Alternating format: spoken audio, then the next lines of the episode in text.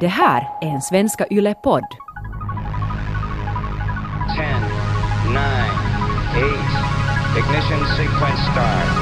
5, 4, 3, 2, 1, 0. Quantum leap. Salto quântico. Salto quântico. Salto quântico. Salto quântico. Kvantum, det du inte visste att du ville veta. Då man var liten så var ju världen så mycket större. Den lilla staden där jag växte upp var bokstavligen hela min värld då jag var liten i många år. Då jag var kanske sex eller sju år gammal brukade min kusin och jag ibland gå ner till järnvägen som vi hade helt bakom knuten. Där satt vi sedan på sluttningen under tallarna vid Björkgårds hållplats och tittade på lokaltågen som saktade in och släppte av de hemvändande pendlarna. Men så vitt vi visste så kom de ju från Indien eller Marocko eller San Francisco eller någonting. Det var nästan ett äventyr i sig att föreställa sig varifrån tågen och deras passagerare kom och vart de var på väg. Saken är ju alltså den att ingen av oss här på jorden har varit så värst långt borta hemifrån, egentligen. De som har varit längst borta av någon människa här på jorden någonsin eh, är besättningen på Apollo 13. Det här var i början av 70-talet då de rundade månen. Lite drygt 400 000 kilometer var det. Det låter som mycket, men med tanke på hur mycket rymd det finns där så, så är det bokstavligen nästan ingenting. Det motsvarar väl ungefär avståndet från vårt hem ner till järnvägen i Grankulla. Våra mest avlägsna rymdsonder de har varit på väg i över 40 år nu och de har med nöd och näppe kommit till solsystemets utkant där den inom citat riktiga rymden börjar. I det här programmet ska vi fundera på det här med rymdens avstånd. Hur länge skulle det ta att köra bil till månen eller till Jupiter i 100 kilometer i timmen alltså? Och vilka är våra chanser att någonsin nå ut till ett annat solsystem? Inte med bil då, utan då behöver vi på riktigt någonting lite snabbare. Hör mer om det här senare i Kvanthopp, som i vanlig ordning inleder utbudet med notiserna.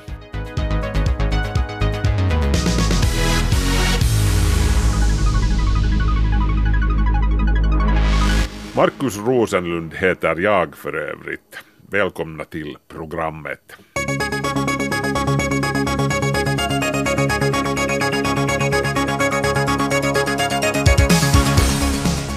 Norge går i bräschen för eldrivna färjor. Sedan 2015 har landet satsat stort på batteri och hybridelektriska bil och passagerarfärjor.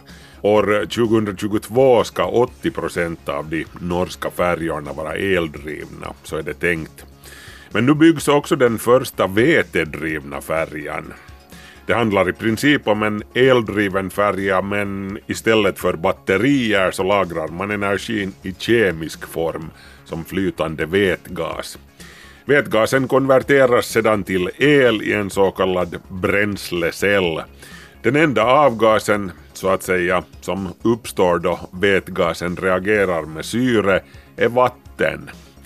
Den nya vätgasfärjan, som bara behöver tankas var tredje vecka, ska tas i trafik redan nästa år i Stavanger.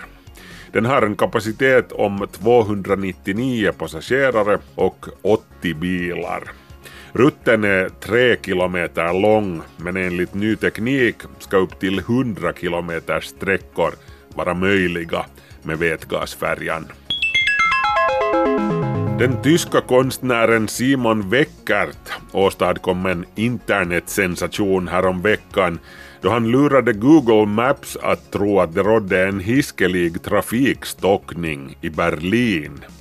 Det här gjorde han med hjälp av 99 mobiltelefoner som han drog efter sig i en liten kärra. Google Maps använder sig alltså av data från användarna, till exempel för att kunna informera om trafikstockningar, då systemet lägger märke till att de aktiva användarna rör på sig väldigt långsamt.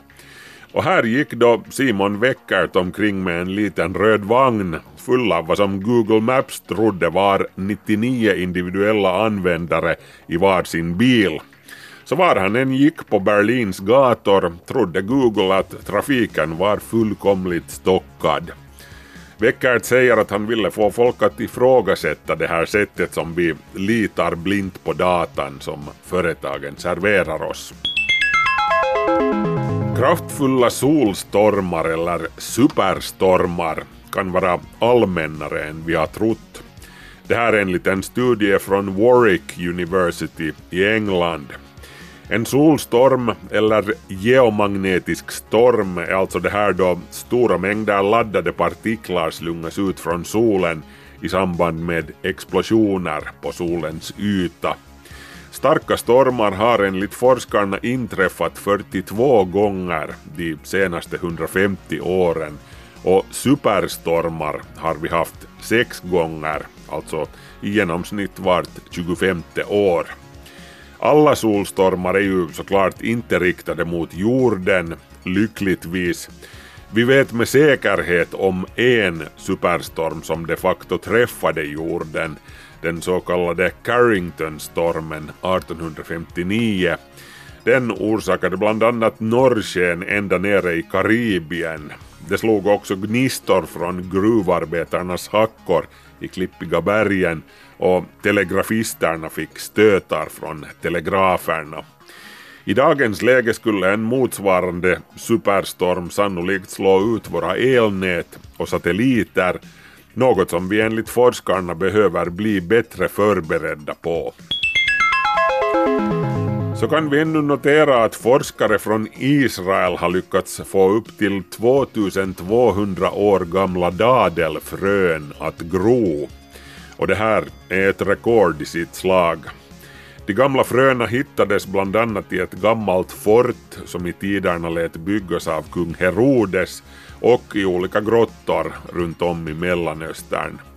Fröna kommer från ett slags dadelpalmer som inte ens existerar nu längre. Eller nu gör de ju det igen. Forskarna valde ut 33 av de mest lovande fröna och lade dem i blöt i varmt vatten. Sex stycken av fröna sköt skott som forskarna lät gro och planterade. Forskarna hoppas nu kunna lära sig mer om hur växterna gör för att bevara sitt DNA intakt i flera årtusenden gamla frön.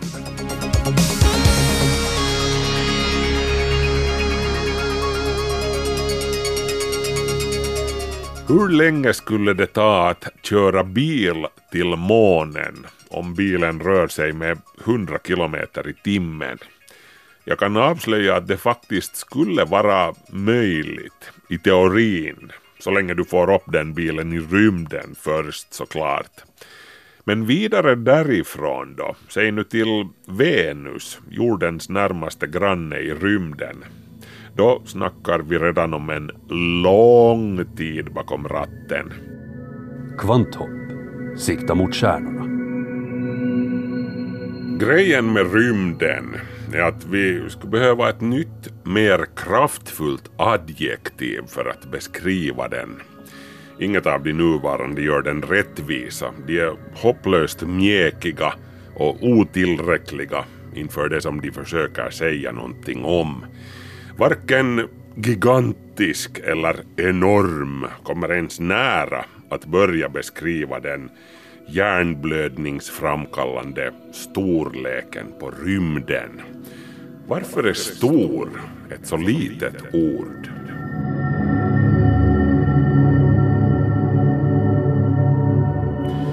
Ändå är rymden inte alls långt borta. Tänk dig en stad som ligger på lite mer än 100 kilometer från stället där du bor. Tänk dig vägskylten, bortom Böle 120 kilometer. Tänk sedan på att bortom Böle är 20 kilometer längre bort än rymden. Rymden börjar ju alltså 100 kilometer ovanför våra huvuden. På 100 kilometers höjd över havet ligger den så kallade Karmanlinjen. Den är namngiven efter den ungersk-amerikanska forskaren Theodor von Karman. Eh, den är visserligen ingen fysisk, klart definierad gräns. Eh, den är helt enkelt bara en definition som Federation Aeronautique Internationale, eller FAI, utgår från. FAIs uppgift är alltså att fastställa regler för rekordslagning samt att kontrollera och godkänna nya rekord inom aeronautisk och astronautisk verksamhet. Vill du slå höjdrekordet i ballongflygning så är det alltså FAI du ringer.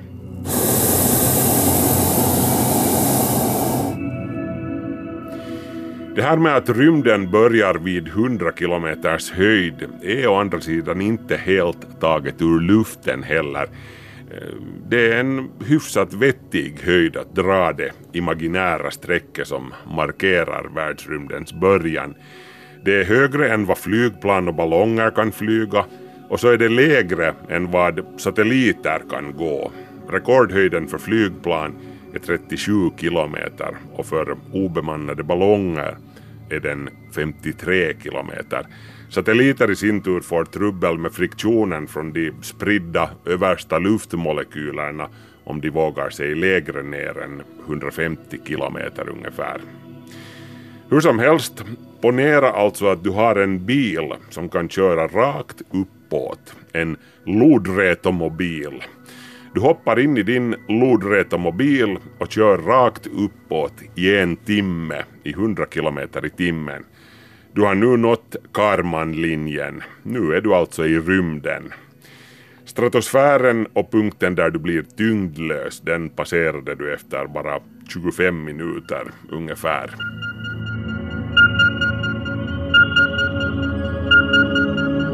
Nästa vettiga anhalt om du vill ha en kopp kaffe innan du fortsätter är internationella rymdstationen, ISS. Den ligger på en höjd som varierar mellan 340 och 400 kilometer. Räkna alltså med att köra i sisådär fyra timmar i 100 kilometer i timmen alltså innan du kommer dit, utan pauser. Räkna också med att bli utskrattad av besättningen när du anländer för ditt val av transportmedel. Men då kan du ju kontra med att din lodrätomobil ingalunda är den första personbilen i rymden. Just nu sitter det ju en skyltdocka kallad Starman i en vinröd Tesla Roadster sportbil någonstans mitt i rymden omkring Mars. Där kommer den att tillbringa resten av solsystemets existens i långsamt cruise mode i en elliptisk bana runt solen som med jämna mellanrum korsar Mars omloppsbana. SpaceX sköt upp bilen som testfrakt då de provflög sin tunga bärraket Falcon Heavy i februari 2018. Inget nytt under solen alltså, bokstavligen. maybe discovered by some future alien race, thinking, "What the heck? What what were these guys doing? Did they worship this car?"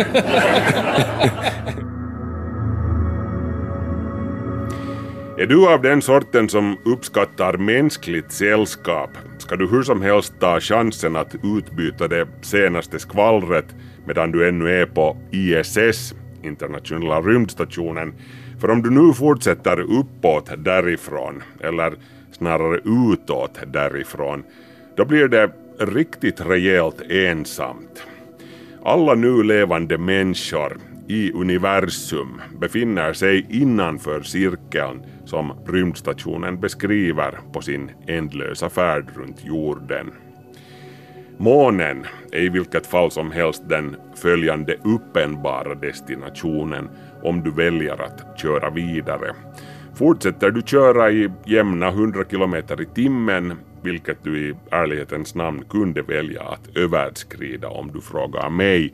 Det finns liksom inga poliser här ute och sikten är glasklar åt alla håll. Men okej då, med 100 kilometer i timmen så kommer du att vara framme vid månen om 148 dygn eller dryga fem månader. Hoppas du har laddat upp en fet Spotify-spellista eller någonting så du inte har allt för tråkigt. I skrivande stund finns det för övrigt musik på Spotify som räcker till för en kontinuerlig spellista som är 228 år lång. Så det är så att Apollo-astronauterna de avverkade hur som helst samma sträcka, alltså sträckan till månen, på 75 timmar, lite på tre dygn. Altitude 40,000. And Eagle Houston, we got data dropout. You're still looking good. Att fortsätta köra utåt efter att du har kollat in de obligatoriska sevärdheterna Armstrongs stövelavtryck i stillhetens hav är ju ett måste och så ska du också passa på att plocka med dig en av de Inalles 12 ovärderliga Hasselblad-kameror som astronauterna lämnade efter sig där för att spara vikt inför hemresan. Men efter det här är det på riktigt dags att skaffa dig ett snabbare åkdon. Jag menar allvar med det här. Du kommer att vara gammal och grå innan du når Venus, den närmaste anhalten från jorden och månen sett, om du envisas med att köra i 100 kilometer i timmen. Att vad sa? Att du vill köra vidare i 100 kilometer i timmen. Saken klar. Venus nästa.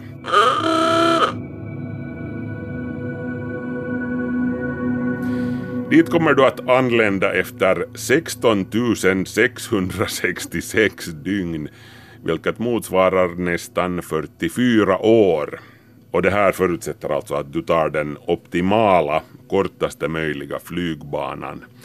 Eh, med andra ord, närmar du dig pensionsåldern redan nu så lönar det sig kanske att överväga om det är värt besväret att ge dig ut på den trippen. Nå jo, men här kan det för övrigt vara på sin plats att påpeka att du inte ska låta dig luras av de här läroböckernas schematiska skisser av solsystemet och planeternas placering i förhållande till varandra.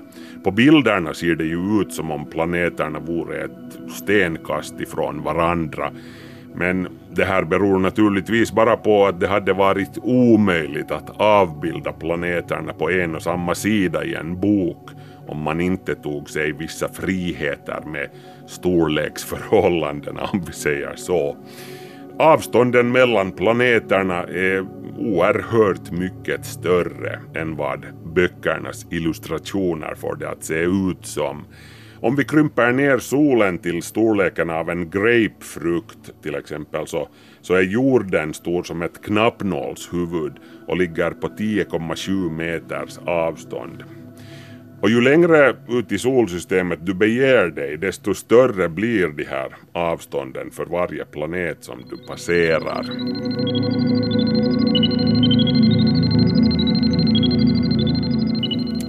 Men just nu har vi alltså kursen inåt i solsystemet, mot solen till.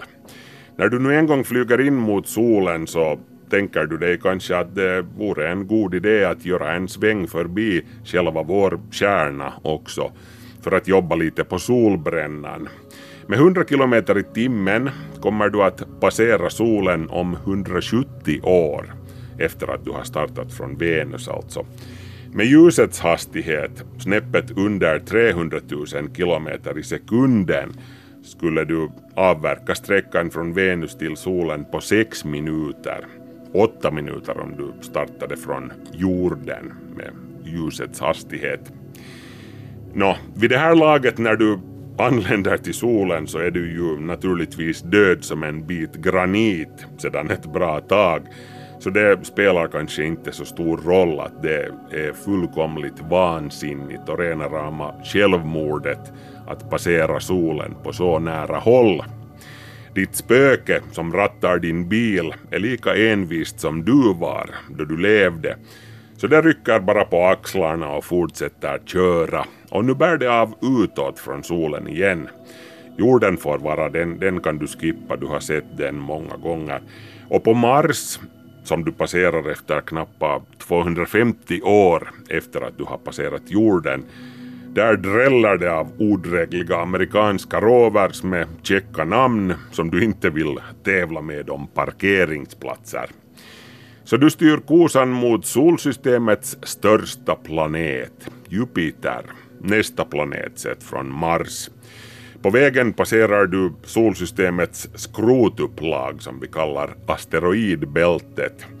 Asteroidbältet är för övrigt inte den här sortens störtskur av stora stenbumlingar som rymdcowboys i stil med Han Solo zigzaggar sin väg genom i filmerna medan han flyr undan imperiets jagare. Det genomsnittliga avståndet mellan två asteroider ute i asteroidbältet är nästan en miljon kilometer vilket motsvarar två och en halv gånger avståndet mellan jorden och månen. Så du märker knappast av någonting när du kryper genom asteroidbältet med farthållaren låst vid stadiga 100 kilometer i timmen. Med den hastigheten anländer du vid Jupiter efter 860 år.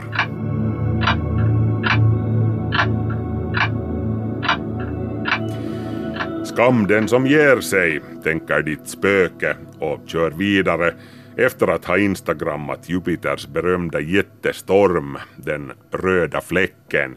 Den här stormen som har rasat i minst 400 år. Redan Galilei iakttog den. Solsystemets utkant kan i alla fall inte vara långt borta nu, tänker du. Ha, trodde du ja. Innan du når ut till solsystemets utkant. Så kan du för övrigt ta chansen att vända dig om och titta i riktningen mot jorden. En bit ut från Pluto på cirka 6 miljarder kilometers avstånd hemifrån. Kommer du att se samma vy som rymdsonden Voyager 1 förevigade 1990 då den tog en serie inom citat familjeporträtt av solsystemets inre planeter inklusive den berömda bilden kallad Pale Blue Dot, den blekblåa pricken.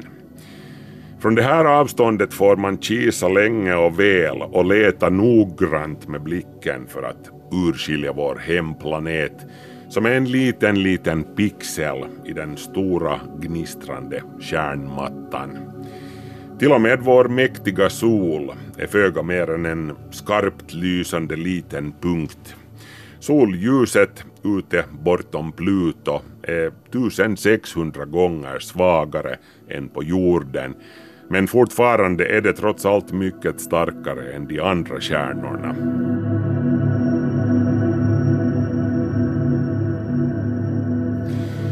Vi kör vidare utåt mot den yttersta utposten. Solsystemet har för övrigt inte någon skarpt och klart definierad yttre gräns. Men ofta använder man den så kallade heliopausen som någon sorts hållpunkt. Heliopausen är alltså gränsen där solvinden, alltså den här strömmen av laddade partiklar från solen, slutar blåsa och vindarna utifrån tar över. Vi har varit inne på det här här i Kvanthopp tidigare. Man kan hävda att det är här som den interstellära rymden börjar, alltså det stora svalget mellan stjärnorna. Nu kanske någon protesterar och invänder att ja men Orts kometmoln då? Visst, i och för sig, Orts kometmoln, ännu en gles svärm av is och stenbråte som börjar cirka tusen astronomiska enheter ut från solen ehm, kan också i princip påstås höra till solsystemet. Ja förresten det där med astronomiska enheter eller AU som det förkortas, det kommer från Astronomical Unit det är alltså ett längdmått som används inom astronomin. En astronomisk enhet motsvaras av avståndet mellan jorden och solen och det här är cirka 150 miljoner kilometer. I vilket fall som helst, årets kometmoln som vi alltså nu blickar mot, det kan sträcka sig flera ljusår ut, mer än halvvägs till Alpha Centauri, det närmaste stjärnsystemet. Ingen vet säkert var det tar slut faktiskt. Men av praktiska skäl så är det hur som helst vettigt att dra gränsen för det egentliga solsystemet vid heliopausen, där som solvinden slutar blåsa. Våra två snabbaste och mest avlägsna rymdsonder, den redan nämnda Voyager 1 och dess tvillingsond Voyager 2 som avfyrades 1977 från jorden, de passerade nyligen den här gränsen efter lite mer än 40 års färd. Men de rör sig med mer än 60 000 kilometer i timmen. Du med din lodräta mobils makliga 100 kilometer i timmen kommer att nå heliopausen efter 21 046 år. Alltså räknat från Pluto ungefär. Och här kommer åtminstone jag att hoppa av som din guide. För vill du köra vidare mot andra solsystem i 100 kilometer i timmen så är restiderna fullkomligt absurda. Proxima Centauri till exempel, solens närmaste stjärngranne, ligger på drygt fyra ljusårs avstånd. Det här är promenadavstånd i galaktiska sammanhang. Vintergatans galax, vår hemgalax, är alltså 100 000 ljusår från kant till kant och 1000 ljusår tjock i mitten. För perspektivets skull, tänk dig att vi krymper ner solen den här gången till storleken av en pingpongboll. Då skulle den röda dvärgstjärnan Proxima, vår närmaste granne alltså, vara stor som en ärta som ligger på 1100 kilometers avstånd. Att köra bil till Proxima Centauri skulle ta mer än 45 miljoner år i 100 kilometer i timmen. Till och med för Voyager 1 med sina 60 000 kilometer i timmen, det här motsvarar 500 miljoner kilometer per år, skulle det ta mer än 80 000 år att nå Proxima Centauri. Fast ingen del av Voyager-tvillingarna är de facto på väg ens nära på åt det hållet och vi skulle inte kunna ändra på deras kurs ens om vi ville. Eh, de här sonderna de saknar totalt styrförmåga.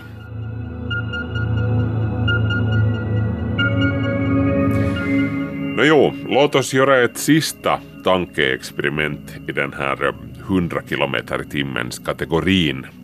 Säg nu helt teoretiskt att du ville köra till Vintergatans närmaste granngalax, Andromeda, fortfarande i 100 km i timmen. Andromeda ligger alltså på 2,5 miljoner ljusårs avstånd härifrån. Det vill säga den sträcka som ljuset färdas på 2,5 miljoner år.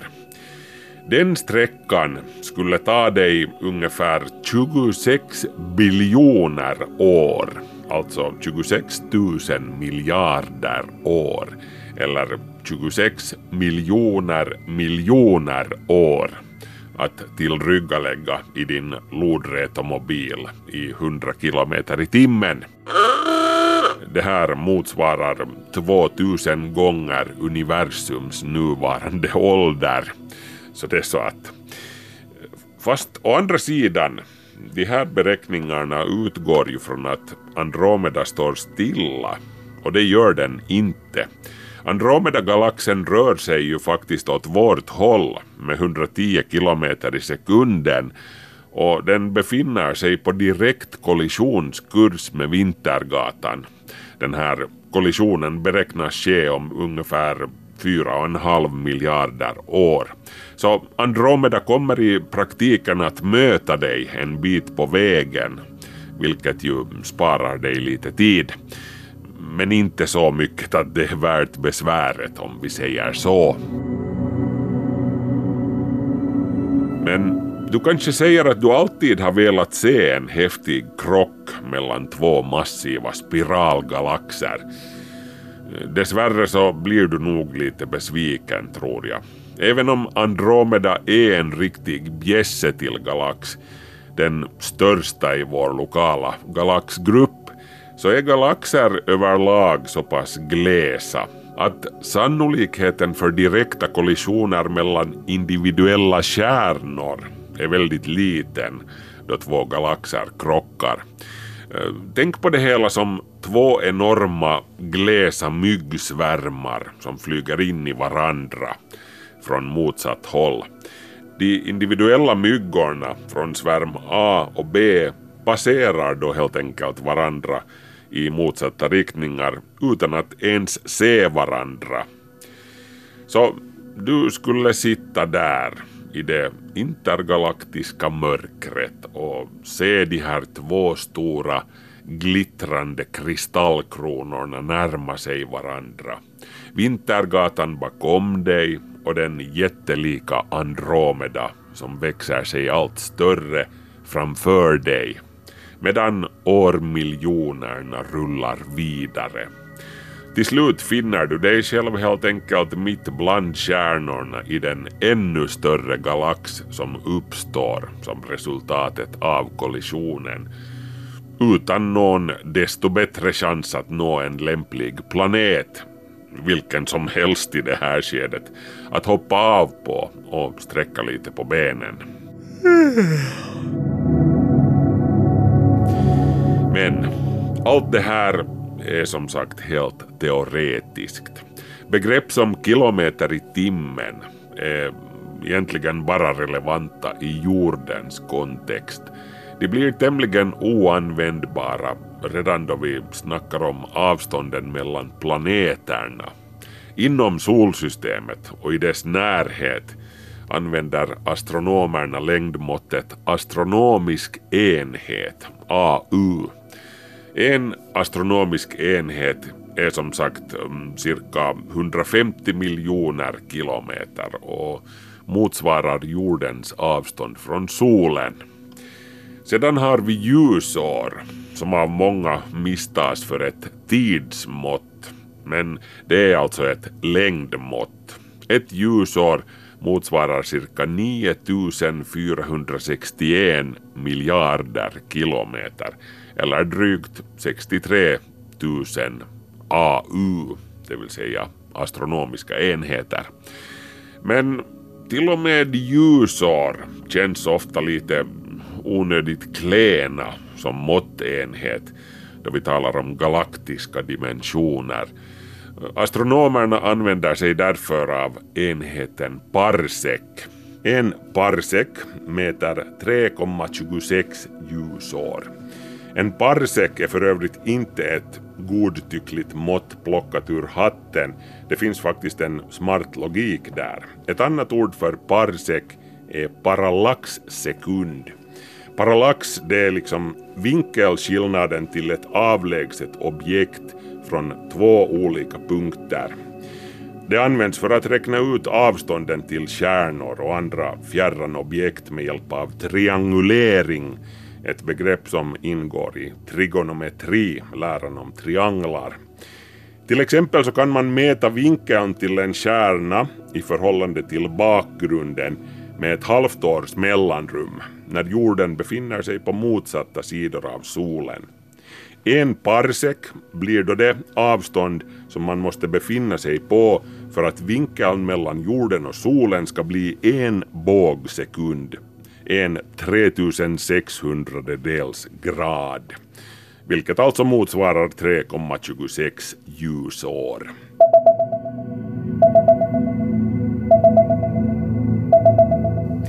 Men tillbaka till ämnet för den här utflykten, resor i rymden.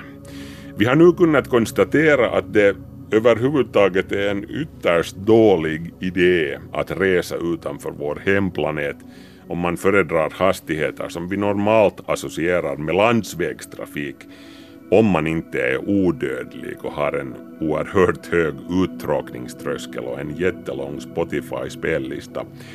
Ska du röra dig mellan planeterna, då kommer du ännu undan med de hastigheter som vi i praktiken kan prestera med våra nuvarande snabbaste rymdfarkoster. I och för sig tar en resa till Mars också då uppemot ett halvår, men det kan ännu anses ligga inom gränserna för det möjliga. Däremot ska du resa till något av de stjärnsystem som ligger närmast vår egen sol under din egen teoretiska livstid, så då blir du nog tvungen att hitta på ett sätt att uppnå en fart som mäts i schyssta andelar av ljusets hastighet.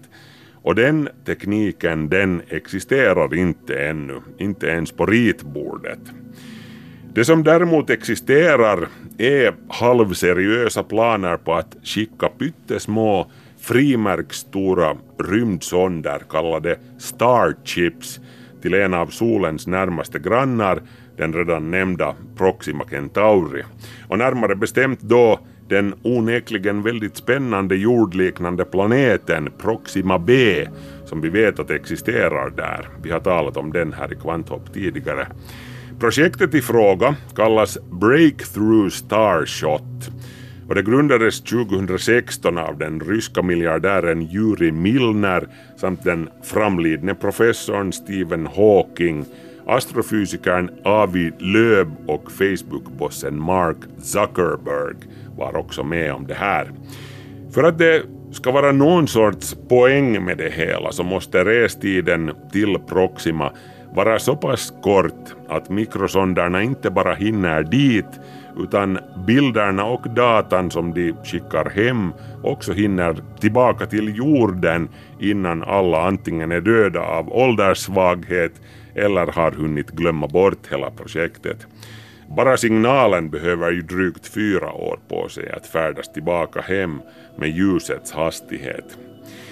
Då krävs alltså sonder som är kapabla till hastigheter som måste ligga mellan 15 och 20 procent av ljusets hastighet. Med den hastigheten skulle det vara möjligt att nå Proxima på 20 till 30 år. Plus fyra år för att vänta på signalerna därifrån.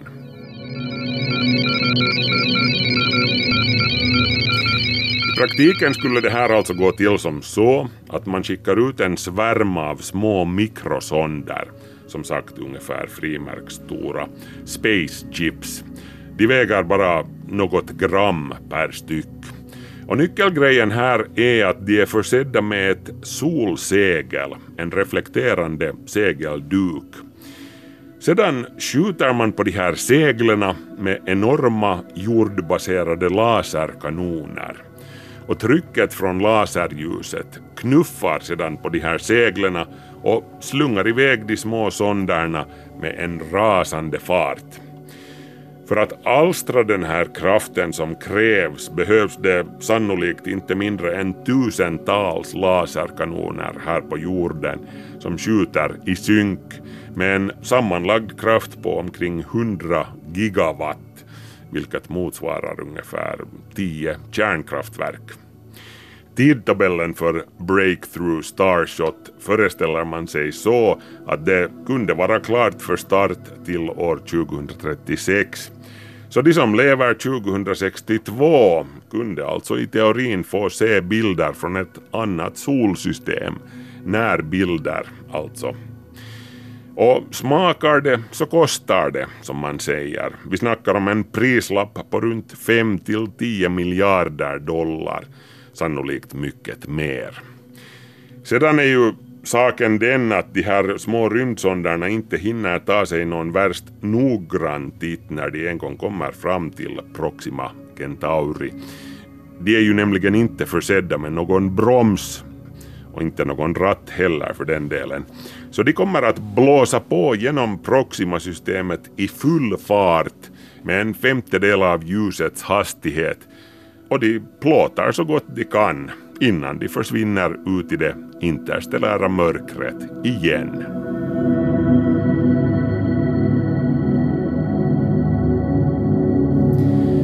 Det säger sig självt att bemannade expeditioner inte är praktiskt möjliga om man tänker sig den här sortens laserdrivna interstellära segelfarkoster. Också alla andra metoder som vi just nu har teoretiska skisser kring omfattar restider på hundratals eller tusentals år. Och redan det är optimistiskt. Det har talats om så kallade generationsskepp som bygger på att besättningen som måste vara hyfsat stor, alltså det måste vara liksom en, en flygande stad i rymden, att besättningen ombord på det här skeppet lever ut sina liv ombord. Och de skaffar barn som lever vidare och skaffar egna barn ombord. Och så vidare vet ni, ända tills skeppet når sin destination. Det här skulle vara teoretiskt möjligt såklart, men det brukar nu inte bedömas som värst sannolikt, om vi säger så. Sedan finns det ju förstås också teoretiska planer på allsköns hyperrymdsmotorer inom citat alla Star Trek, till exempel den så kallade Alcubierre-driften uppkallad efter den mexikanska teoretiska fysikern Miguel Alcubierre. Alcubierres högst spekulativa idé, åtminstone med det som vi vet idag, går ut på ett rymdskepp som är försett med en mekanism som på något vis knycklar ihop själva rymdtiden framför rymdskeppet och tänjer ut den bakom farkosten. På det viset skapar man liksom en bubbla av normal rumtid som rymdfarkosten befinner sig i samtidigt som hela bubblan färdas fortare än ljuset. Så man bryter liksom inte mot några eh, kosmiska hastighetsbegränsningar, vilket ljusets hastighet alltså är. Men det här konceptet skulle bland annat kräva bemästrandet av den ännu högst hypotetiska så kallade exotiska materian som har negativ masstäthet. Alltså till exempel ett ton skulle ha en massa på minus ett ton. Den här klimpen med exotisk materia skulle alltså väga ett ton mindre än ingenting. Einsteins relativitetsteori tillåter i princip att sådan materia kunde existera under vissa förutsättningar. Men det här skulle i vilket fall som helst krävas att vi lyckas bemästra den här grejen för att knyckla till rumtiden på det föreslagna sättet. Och allt det här är alltså science fiction i allra högsta grad i det här skedet. Men det är ett koncept som science fiction-författarna älskar, förståeligt nog. Så summa summarum, hyperrymdsdrift och och maskhål som det också har varit tal om som ett sätt att färdas blixtsnabbt mellan punkterna A och B i rymden. Eh, de här som ett alternativ till tidsödande och besvärliga transporter i realtid och realrum, de lär nog inte bli verklighet inom den överskådliga framtiden. Det är nog tills vidare bara att finna sig i köerna till säkerhetskontrollen och förbereda sig på att ta av bältet. Eller ta tåget. Det är min favorit.